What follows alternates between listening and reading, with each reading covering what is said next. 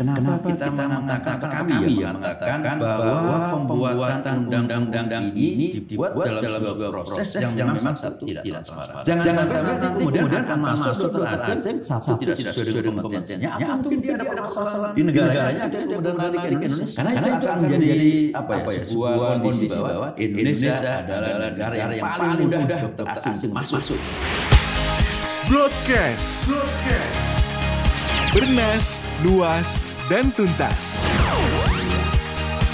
Powered by Business Indonesia. Sobat Bisnis, berjumpa kembali bersama saya, Ririn Alfiani di podcastnya Bisnis Indonesia. Lima organisasi tenaga kesehatan yang meliputi dokter, bidan, dan perawat melakukan penolakan terhadap pembahasan RUU Kesehatan. Penolakan didasarkan atas pembahasan RUU Kesehatan ini dinilai tidak transparan dan juga tidak melibatkan atau minim partisipasi publik. Meski demikian, Kementerian Kesehatan bilang bahwa RUU ini, aturan ini akan digunakan sebagai transformasi kesehatan. Meski demikian, tenaga kesehatan merasa bahwa draft undang-undang ini kemudian akan menimbulkan banyak permasalahan. Untuk membahasnya lebih dalam, saat ini saya sudah bersama dengan Dr. Muhammad Adib selaku Ketua Umum PBBID. Kabar baik tentunya dok. Terima kasih. Salam buat sobat bisnis. Iya, terima kasih dokter. Dokter, ini RUU Kesehatan merupakan RUU prioritas tahun 2023. Kementerian Kesehatan menyatakan bahwa ini akan menjadi landasan untuk melakukan transformasi kesehatan. Sejauh ini bagaimana pembahasannya dan keterlibatan ID yang dinilai minim partisipasi publik? Ya, jadi yang pertama yang kita kritisi dalam membuat sebuah regulasi karena kami di organisasi profesi atau MAI kita terlibat juga di dalam proses pembuatan yang berkaitan dengan kedokteran. Ada undang-undang kedokteran tahun 2004, kemudian ada undang-undang pendidikan kedokteran tahun 2013. Begitupun juga kita ada juga debat dalam undang-undang CSM maupun BPJS. Itu adalah satu upaya-upaya yang kemudian memberikan sebuah dasar bahwa stakeholder kesehatan, ini organisasi profesi kesehatan yang nanti akan menjadi pelaksanaan undang-undang itu perlu kemudian dan diberi diminta masukan-masukannya. Inilah yang kemudian menjadi satu dasar bahwa kenapa kita mengatakan kami yang mengatakan bahwa pembuatan undang-undang ini dibuat dalam sebuah proses yang memang satu tidak transparan. Kenapa, Kenapa tidak transparan? Karena munculnya undang-undang atau draft RUU ini tiba-tiba muncul di bulan September.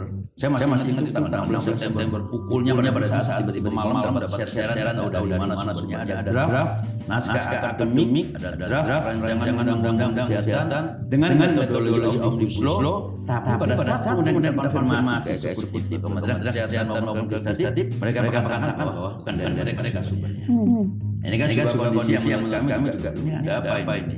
Kenapa tiba-tiba muncul sebuah draft? Mungkin sebuah draft itu bagus, ya, sudah sudah rapi tanpa ada kelompok atau yang yang membuat kan ya. Nah inilah, inilah yang kemudian uh, akhirnya kami, kami mengkritisi dan, dan bulan, bulan September itulah langsung kami sikap dengan lima organisasi profesi bersama juga dengan Yayasan Lembaga Konsumen mengatakan bahwa kalau kita mengamati dari sebagian sisi maka kita kita, kita menolak di dalam, dalam uh, RUU Kesehatan Omnibus Law ini. Nah poin-poin krusial yang menjadi penolakan ini apa sih dok? Ya, ya. Jadi, Jadi kalau, kalau kemudian kita, kita bicara sekarang ini ada ada ada proses yang yang Mbak Rina harus tahu tahu kalau teman-teman sobat bisnis juga ada proses yang yang kemudian pada saat kita melakukan penolakan akhirnya ada hearing dilakukan oleh DPR ini badan legislatif. karena itu muncul sebagai inisiatif yang dilakukan oleh badan legislatif. kita sudah beberapa kali kali kita bertemu dengan dan dan masuk masukan kami dan pada saat itu pun badan legislatif mengatakan kami belum membuat draftnya yang, yang itu di dalam sebuah prosesnya dengan masukan itu akhirnya di Desember muncullah namanya rancangan undang-undang inisiatif badan legislatif rancangan kesehatan dan metodologi omnibus law. Nah, nah dari, dari situ lah yang kemudian bisa disadar karena itu sudah ada sebuah keputusan maka kami katakan kami kami punya hak hak untuk kemudian mengatakan bahwa poin-poin yang ada di dalam rancangan undang-undang ini belum mencerminkan partisipasi kepentingan daripada baik baik kami di kesehatan dan hal-hal yang berkaitan dengan hak hak kesehatan daripada masyarakat. Apa hak kesehatan dan masyarakat poinnya itu? Ada tiga utama yang paling kita satu yang berkaitan dengan kemanusiaan. Apa? Apa? Transplantasi. Mana ada satu pasal yang mengatakan bahwa izin donor transplant tanpa melalui tujuan keluarga. Oke oke. Terus kemudian berkaitan juga dengan aborsi yang 14 minggu. Kalau kita sekarang berkeinginan di SDGs itu adalah menurunkan angka kematian ibu dan rekomendasi dari profesi itu adalah 6 minggu. Tiba-tiba ini muncul undang-undang. boleh boleh 14 minggu aborsi. minimal 14 minggu 14 minggu untuk untuk bayi dan ini akan membawa resiko kematian pada juga kalau kemudian dengan umur yang seperti itu. Kemudian berkaitan juga dengan masalah keamanan. Keamanan apa? Ada pasal-pasal berkaitan dengan transfer data. Kemudian penyimpanan data, kesehatan rakyat Indonesia yang bisa dilakukan bisa ada di luar negeri. Transfer data juga boleh dilakukan dengan tidak ada disebutkan tujuan spesifik seperti apa transfer data itu. Termasuk juga nanti kalau kita bicara keamanan adalah bagaimana sekarang keamanan pelayanan yang akan dilakukan kesehatan kalau kemudian ada kemudian kemudian yang, yang dilakukan oleh negara di dalam undang-undang ini untuk dokter asing bisa masuk. tanpa ada proses yang kemudian selektif di semua negara. itu ada ada membuka ruang memang. itu dokter asing tapi ada namanya selective barrier. Sejauh ini untuk kemudian dokter asing bisa masuk ke Indonesia, se- se- bagaimana prosesnya dan apa perbedaannya yang diatur dalam RUU Kesehatan? Ya, ya jadi sebelumnya ada namanya Permestes TKWN. Itu ada ada di jadi ada ada PMR, PMR Professional Medical Police Authority yaitu antara Kementerian Kesehatan dan Konsul Kedokteran. Di mana pada saat kita bicara itu, kami kebetulan terlibat di dalam teman-teman CCM, jadi ASEAN Committee Medical Practice. Kita di dalam eh, diskusi terkait dengan masalah ini. di internal ASEAN saja, kita melakukan sebuah proteksi. Semua melakukan sebuah proteksi. Kami dokter Indonesia mau bekerja di Malaysia, orang Malaysia punya aturan. Kita harus lihat ada letter of good standing, nanti dilihat kompetensinya, ada proses untuk eh, apa namanya semacam adaptasi atau placement testnya ada. Itu dilakukan Sebelum dia akhirnya praktek di Indonesia. Bukan, bukan hanya cari saya. Nah itu yang juga terapkan dan ada proses yang harus kita lakukan. Karena karena kita bicara begini sekarang. Apa yang menjadi kepentingan negara ini? Di kepentingan negara dalam kaitannya dengan ini. Yang pertama kita harus patient safety. Selama pasien itu utama. Karena dokter eh, berhubungan erat dengan pasien. Dan dan kaitan dengan nyawa manusia. Itu yang paling paling penting. Sehingga harus ada keamanan yang diberikan kepada kepada masyarakat. Apakah betul dia dengan kompetensinya? Apakah dia betul dokter yang tidak ada masalah dengan etik hukum disiplin dari negaranya? Nah, nah, ini menjadi penting, penting gitu loh. Jangan, jangan sampai nanti kemudian akan masuk dokter asing satu tidak sesuai dengan kompetensinya. Atau mungkin dia ada permasalahan di negaranya ada kemudian lari ke Indonesia. Sehingga tidak bisa kemudian mengatakan bahwa dia kalau sudah berpraktek lima tahun boleh masuk Indonesia.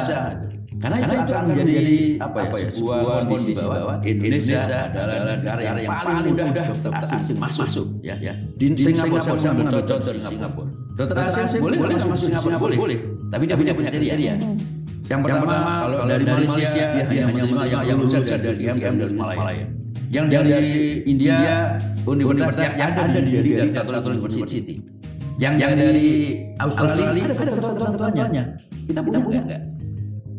Nah, nah, itu yang harus kita lakukan. Jadi nggak bisa hanya kemudian melakukan satu bahwa dokter asing boleh boleh masuk. Dan dan saya bisa katakan bahwa kalau ini benar-benar benar dibuka, hanya sebagian kecil saja itu dokter yang yang mohon maaf, maaf mungkin dari Mayu, Mayu Klinik ataupun dari Yang benar-benar memiliki potensi gitu ya. dan akan sebagian besar nanti akan ada kelompok-kelompok dokter saya tidak mengatakan satu negara ya. maka kelompok-kelompok dokter yang nanti akan masuk ke Indonesia karena Indonesia adalah market yang luar biasa. Untuk masyarakat. dua ratus tujuh puluh juta dan mereka pun saya tidak ada ada di perkut apa bisa Pedesaan. mereka mereka akan ada Yang sebenarnya harus disasar oleh tenaga kesehatan atau kemudian difasilitasi gitu ya. Ada negara 3T atau Ya, ya. daerah-daerah yang berada di daerah timur seperti itu ya. Dan satu hal lagi kita tadi kemanusiaan, keamanan, kesejahteraan. Kesejahteraan termasuk apa? Spending, mandatory spending yang gila. Anggaran APBN APBD yang sebelumnya juga sudah sudah menjadi usulan di badan legislatif di dalam tim pemerintah jadi tidak ada lagi sekarang alokasi anggaran APBN APBD kesehatan yang sebenarnya bukan 10 persen. dan itu WHO sudah menyatakan bahwa itu harus harus monitor spending. nah ini yang juga menjadi Apa yang menjadi alasan kemudian pada spending tersebut kemudian dihilangkan? eh, batasan minimalnya? Ya, saya, saya eh, kalau kalau saya pernah diskusi dengan teman-teman dari Bapak Nas ya, memang ada pola yang yang kemudian dilakukan di dalam sebuah kebijakan kesehatan. Sehingga ada dua hal, ada sedemikian spending atau dengan masalah pendekatan berbasis kinerja dia ada performance index dalam satu daerah. Tapi dengan kondisi saya nggak nggak bisa. Kita kemarin saja dengan monitor spending 7 persen APBD dan dan 5 persen APBD saja nggak bisa jalan karena masih banyak alokasi kebijakan kesehatan yang belum kemudian maksimalkan. Jadi, Jadi ini pun juga agak menjadi perhatian kita bahwa itu harus, harus ada, ada dulu. Sambil, Sambil kemudian kita, kita buat alokasi alokasi yang, yang mana yang menjadi prioritas? karena kita bicara, bicara nanti kalau bicara sekarang transformasi dalam kesehatan. Poin-poin dalam di dalam transformasi itu sebenarnya bisa dijawab dengan regulasi yang saat ini masih existing ya, ya. tentang, tentang masalah revitalisasi pelayanan primer. jawabannya ada 2012 ada PP yang berkaitan dengan vaskes yang harus dioptimalkan. tentang masalah dokter yang belum merata ada Undang-Undang pemerintah daerah 23 tahun 2012 Permendagnya masih, masih banyak yang belum buat. Tapi bukannya satu-satu sasaran dari enam pilar apa yang, apa yang kemudian dijadikan dasar aturan transformasi kesehatan yang dilakukan oleh Menkes adalah akan menyasar daerah-daerah yang kemudian belum terjamah atau, atau mungkin bisa dibilang minim dokter-dokter yang spesialis atau fasilitas-fasilitas kesehatan yang kemudian belum memadai dok-dok. Jadi kalau kita mau bicara secara secara fakta, itulah saya termasuk yang paling banyak banyak di daerah. Jadi saya tahu persis kondisi yang ada di teman-teman di daerah. Ada arifan lokal yang beda ada, ada kemudian kondisi yang berbeda. Sehingga kalau dan dan hanya membuat kebijakan nasional tanpa memperhatikan kebijakan daerah, maka kita pasti baik pun tidak akan bisa maksimal. Kalau kemudian kita bicara sekarang ada ada ada ada keinginan negara untuk mengatur satu di dalam pemerintahan dua dua belas itu tinggal tinggal dibuat. Kabupaten, kota, provinsi harus punya namanya analisa kebutuhan dokter spesialis di seluruh wilayah per kabupaten kota. Karena dari situ akan akan mengukur gitu. Sebenarnya apakah betul dokter di Papua itu butuh dokter seperti di Jakarta? Apakah dokter di Maluku betul butuh spesialis spesialis seperti di Jakarta? Karena, Karena kita akan bicara tentang, tentang setiap daerah punya namanya, namanya 10 penyakit terbanyak. Okay. Nah ini pun juga harus jadi perhatian gitu loh. Jadi inilah kemudian di dalam sebuah analisa beban kerja, analisa kebutuhan, jadi sangat penting untuk dorong-dorong. Sampai sekarang saya bisa katakan belum ada. Analisis juga kemudian nanti akan membantu untuk melakukan penyebaran dokter seperti itu. Betul, sehingga ada artinya sebuah aturan yang dibuat. Kalau belum pernah ada namanya moratorium yang dibuat oleh pemerintah daerah saya ambil contoh DKI Jakarta, jumlah dokter DKI Jakarta ini sekedar contoh Bali. DKI Jakarta untuk kandungan saja bersama dengan Jawa Barat. DKI Jakarta dan Jawa Barat itu sudah separuh dari jumlah total dokter spesialis kandungan seluruh wilayah saja. 4.500 dua-duanya ada di DKI dan Jawa Barat. Ya, ya. Nah, nah ini kondisi yang kemudian kenapa kok seperti itu? Karena belum pernah ada sebuah aturan dari daerah mengatakan dengan jumlah dokter yang sudah banyak di DKI Jakarta, maka kami akan melakukan moratorium tidak memberikan rekomendasi praktek untuk dokter spesialis A namanya, ya karena jumlahnya sudah melampaui. Sehingga ada kenapa? Kalau itu ada ada aturan perda untuk mengatakan itu, maka kemudian akan mendorong, ya udah, saya nggak bisa masuk Jakarta, nggak bisa masuk, karena sudah sudah penuh. Saya akan memilih ke daerah-daerah yang lain. Nah, ini nggak ada aturan-aturan dengan itu. Kalau kita hanya bicara sekarang, kita sebar, gimana pola-pola penyebarannya? satu pendidikan kita dokter. itu macam-macam. Jadi banyak banyak pendidikan mandiri. artinya masih biasa spesialis juga ya biasa ada yang jadi catatan juga dalam kemudian melakukan adalah halnya biaya spesialis. Jadi kalau kita kemudian bicara mahalnya ketika spesialis. Saya saya saya termasuk yang orang yang mungkin bukan guru yang yang kalau sekolah saya tuh ya harus harus harus harus tapi tiap tiap tiap hari lihat darah ya ya ya dan itu itu kondisi yang kemudian akhirnya bahwa memang, memang beban pembiayaan dokter. Kalau kalau kita bicara dari sisi SPSPS nggak mahal. Yang mahal itu adalah biaya kita mendapat pendidikan karena saya sekolah sekolah pada saat sudah punya sudah punya anak pasti itu itu menjadi karena saya saya nggak bisa lagi. Itu yang yang menjadi mahalnya biayanya. Tapi sebenarnya kalau dari sisi dari ini yang mahal. Kalau kemudian pendidikan dokter sendiri maunya. Ini yang kemudian saya, saya mengapresiasi langkah yang sudah dibuat buat terkait beasiswa. Dan, dan kalau kemudian kita bicara bicara beasiswa, maka yang pertama yang yang dipikirkan adalah maksimalkan itu adalah putra daerah yang memang dia akan balik ke daerah-daerahnya. Dipastikan kembali ke daerah karena ada beberapa kasus yang kemudian dia kembali ke daerahnya. Nah ini yang, ini yang harus diatur dalam peraturan dari dari negara-negara. Apakah perlu undang-undang? Sudah ada dari sebelumnya. Kalau pendidikan spesialis sekarang, presiden yang spesialis digaji sudah ada. di undang-undang yang belum dijalankan. Dokter dalam pembahasan RUU Kesehatan ini juga kemudian menyatakan bahwa akan membuka layanan kesehatan hingga ke pelosok desa. Ini kemudian ada salah satu hal yang akan menyasar investasi di daerah-daerah. Nah, apa benar nih dok? Apakah RUU Kesehatan bisa meningkatkan investasi atau meningkatkan investasi di Indonesia berkaitan soal kesehatan? Ya, jadi kalau kemudian kita membaca dari isi yang ada di dalamnya undang-undang, ini memang memberikan sebuah kesan bahwa yang, yang menjadi skala prioritas adalah buka buka investasi kesehatan. Ini yang kemudian akhirnya ada isu-isu luar luar dengan liberalisasi dan sebagainya. Dan dan kami dalam konteks ini sebenarnya kalau kita bicara mengenai globalisasi kesehatan, mengenai sebuah kondisi yang berkaitan dengan kesehatan, saya kira bukan titik anti investasi bukan. Tapi pada saat kemudian kita bicara yang berkaitan dengan investasi, maka tentunya harus ada standar, yang juga harus dipenuhi. Harus, harus ada analisa yang tadi kebutuhan apa, apa betul sekarang, di dalam satu daerah itu masih butuh rumah sakit, masih, masih butuh dokter, sehingga akhirnya dijadikan justifikasi yang bukan rumah sakit, bahkan dijustifikasi untuk perlunya dokter masuk. Ini yang saya kira perlu untuk kemudian harus ada perhatian dengan hal ini. Ya kalau kemudian kita bicara sekarang, apakah ini kemudian akhirnya memudahkan investasi sehingga bukan tidak mungkin nanti akan jauh rumah sakit rumah sakit asing yang akan berada di Indonesia. Saya kira ini yang harus diperhatikan juga oleh negara. Karena kita, kita bicara sekarang adalah ketahanan kesehatan bangsa. Kita, kita selama ini kita selalu katakan bahwa kita juga akan mendorong untuk mandiri dan kesehatan. Tapi pada satu sisi sekarang kalau dengan membuka peluang yang berkaitan dengan kemungkinan-kemungkinan investasi asing, maka tentunya harus ada aturan-aturan yang lebih tegas terkait dengan hal ini. Bukan berarti kita melarang, bukan. Dan tapi kita harus termasuk juga tadi, tadi kalau kita bicara kesehatan akan membawa SDM juga yang akan masuk. Nah itu harus ada aturannya gitu loh. Karena yang kita yang harus kita lakukan adalah bagaimana perlindungan kepada masyarakat ini. munculnya sebuah undang-undang itu kan kalau kita kita di undang-undang kedokteran ada protecting the people. patient safety. Kemudian ya guiding, guiding buat siapa? Guiding buat dokter, buat nurse, wife dan sebagainya. Nah, inilah yang harus dan jadi perhatian.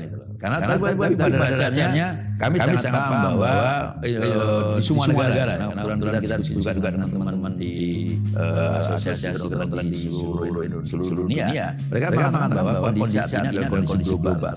Karena hasil survei McKinsey kemarin di saat pandemi pun healthcare services dan pharmaceutical industry itu adalah pangsa pasarnya atau yang masih existing established dalam walaupun itu ada pandemi. Dan ini memang tidak mungkin menjadi satu pola yang juga ada uh, investasi kesehatan yang luar biasa yang masuk semua negara sebenarnya. Tapi setiap, setiap negara harus punya yang, yang namanya proteksi barrier. Harus, harus punya yang namanya selective barrier. Sebagai tujuannya adalah untuk melindungi masyarakat.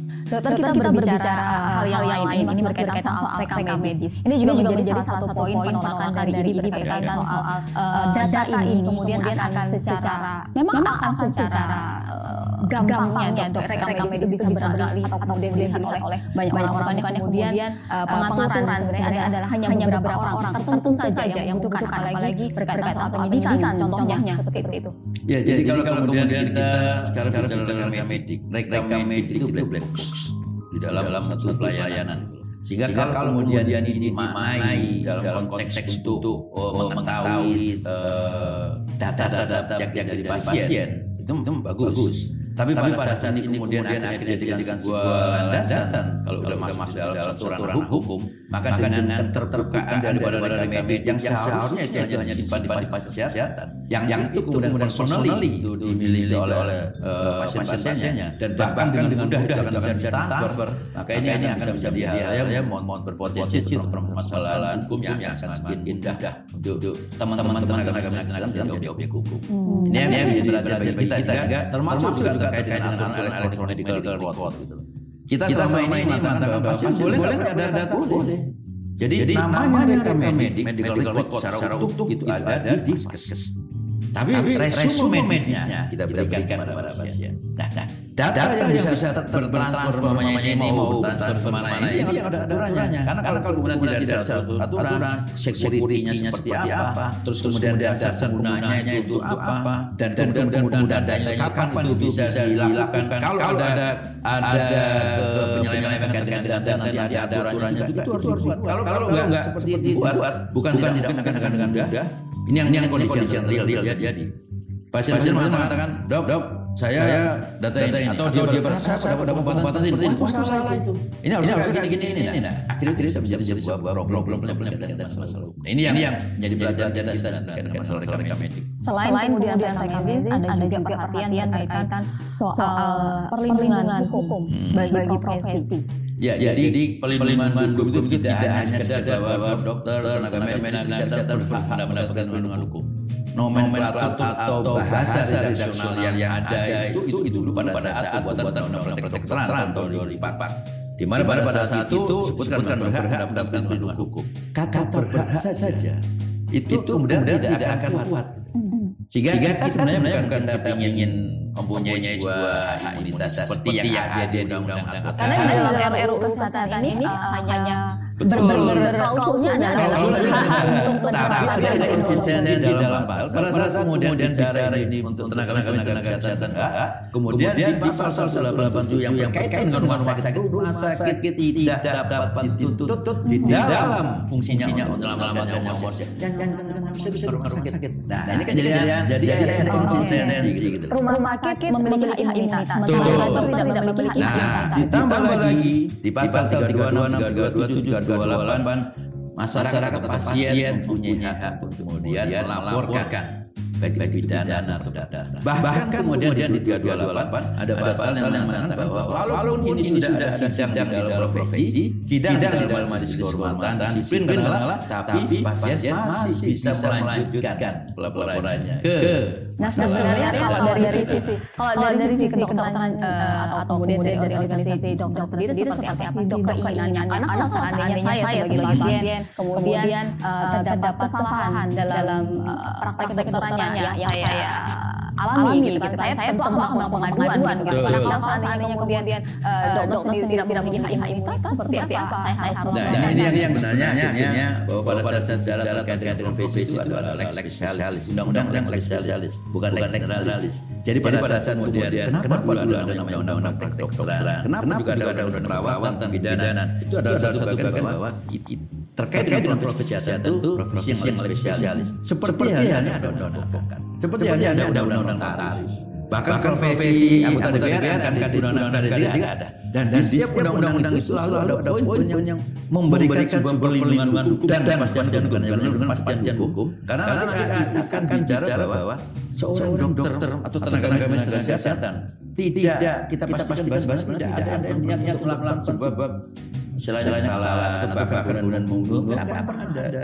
tapi karena profesi profesi yang berisiko maka regulasi yang harus mengatur melindungi supaya kemudian dia tidak dengan mudah dikatakan bahwa kita tidak dapat hutan dan sebagainya. bukan kita kebal tidak. tapi pada saat dan kita bicara dan dan kalau kalau dalam sisi redaksi kita malah mengusulkan bahwa seperti yang diundang advokat bahwa tenaga medis tenaga kesehatan ya apa namanya itu tidak dapat dituntut sepanjang sepanjang kan jalankan profesinya bla bla bla dan sebagainya seperti yang ada dalam undang-undang advokat dan undang-undang ketika nah itulah yang yang sebenarnya menjadi pikiran kenapa? jangan sampai nanti kalau kemudian kita eh, dengan mudah dituntut akhirnya apa? karena saya seorang ortopedi saya takut tuntut saya periksa aja semua deh. saya saya cek cek semua. Wah wah. Saya masih ragu CT scan apa yang terjadi itu namanya namanya medicine pembiayaan kesehatan pembiayaan.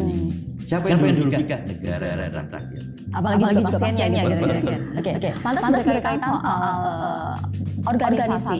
Disebutkan bahwa di dalam RUU Kesehatan adanya satu saja organisasi yang kemudian menaungi uh, kesehatan, kesehatan gitu ya. Nah, nah ini, ini oh, profesi dari dari tenaga kesehatan sendiri. Mengapa hal ini jadi kemudian penolakan terhadap uh, ini sendiri? Apa kemudian mencatatkan? Karena ada ada konsistensi pasal pada saat 314 mengatakan satu organisasi profesi di bidang kesehatan. Di pasal 45 berbeda kata-katanya. Jadi di dalam 45 menyebutkan bahwa organisasi profesi yang sudah terdaftar Ya, ini kan kita bicara status sebagai ormas ya. Itu maka dia, dia juga bisa menjadi organisasi profesi.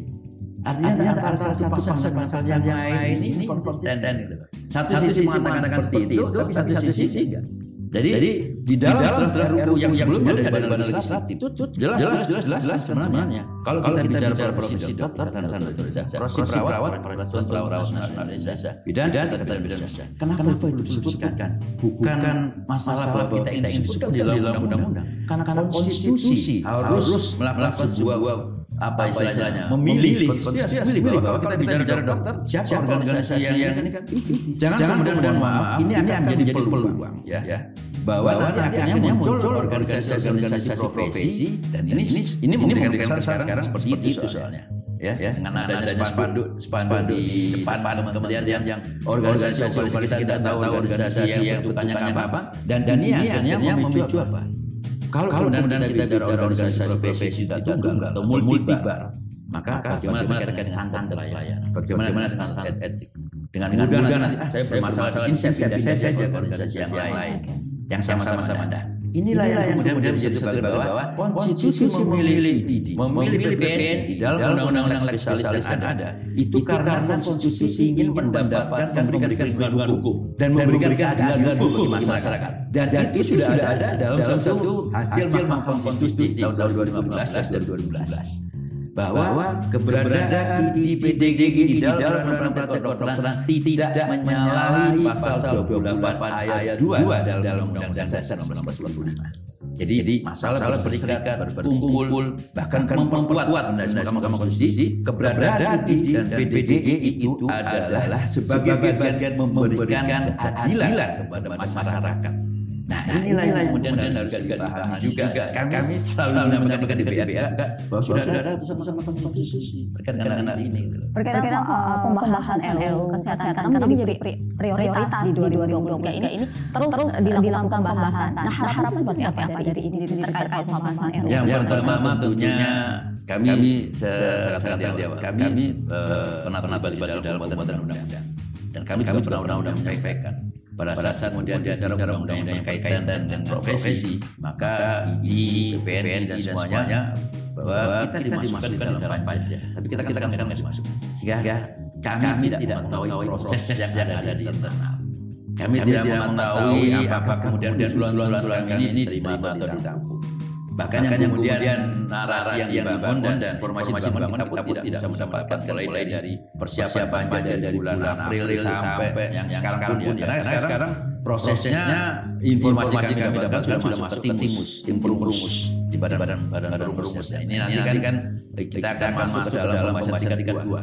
Ya jadi, jadi uh, bicara terkait dengan tadi di awal dikatakan penolakan sebenarnya kami, kami sangat tahu proses hukum sangat taat proses hukum. kami kami katakan adalah banyak substansi yang bermasalah konsistensi pasal dan dan hal-hal yang bisa menimbulkan uh, permasalahan saat ini akan tetap ditetapkan maka kami mengatakan tolong stop dulu tunda dulu. ya, ya karena, karena kita ingin bahwa undang-undang kesehatan ini bukan milik kelompok bukan milik pemerintah saja tapi milik rakyat Karena undang-undang ini kan mengatur kesehatan rakyat. Milik 270 juta orang. di Indonesia. Di baik itu silakan katakan. Jangan guru-guru diketok tahu kenapa kok kemudian tadi yang mulai mulai munculnya adalah di awal tidak transparan, kemudian di dalam bahasanya juga tidak transparan, terus kemudian sekarang pengen pengen guru-guru diketok tahu hal-hal ini yang saya kira menjadi sebuah perhatian buat dan alhamdulillah saat ini pun Uh, semakin, semakin banyak kelompok masyarakat sipil yang, yang kemudian melihat bahwa ada permasalahan dalam undang-undang kesehatan. Mudah-mudahan ini bisa diperhatikan sama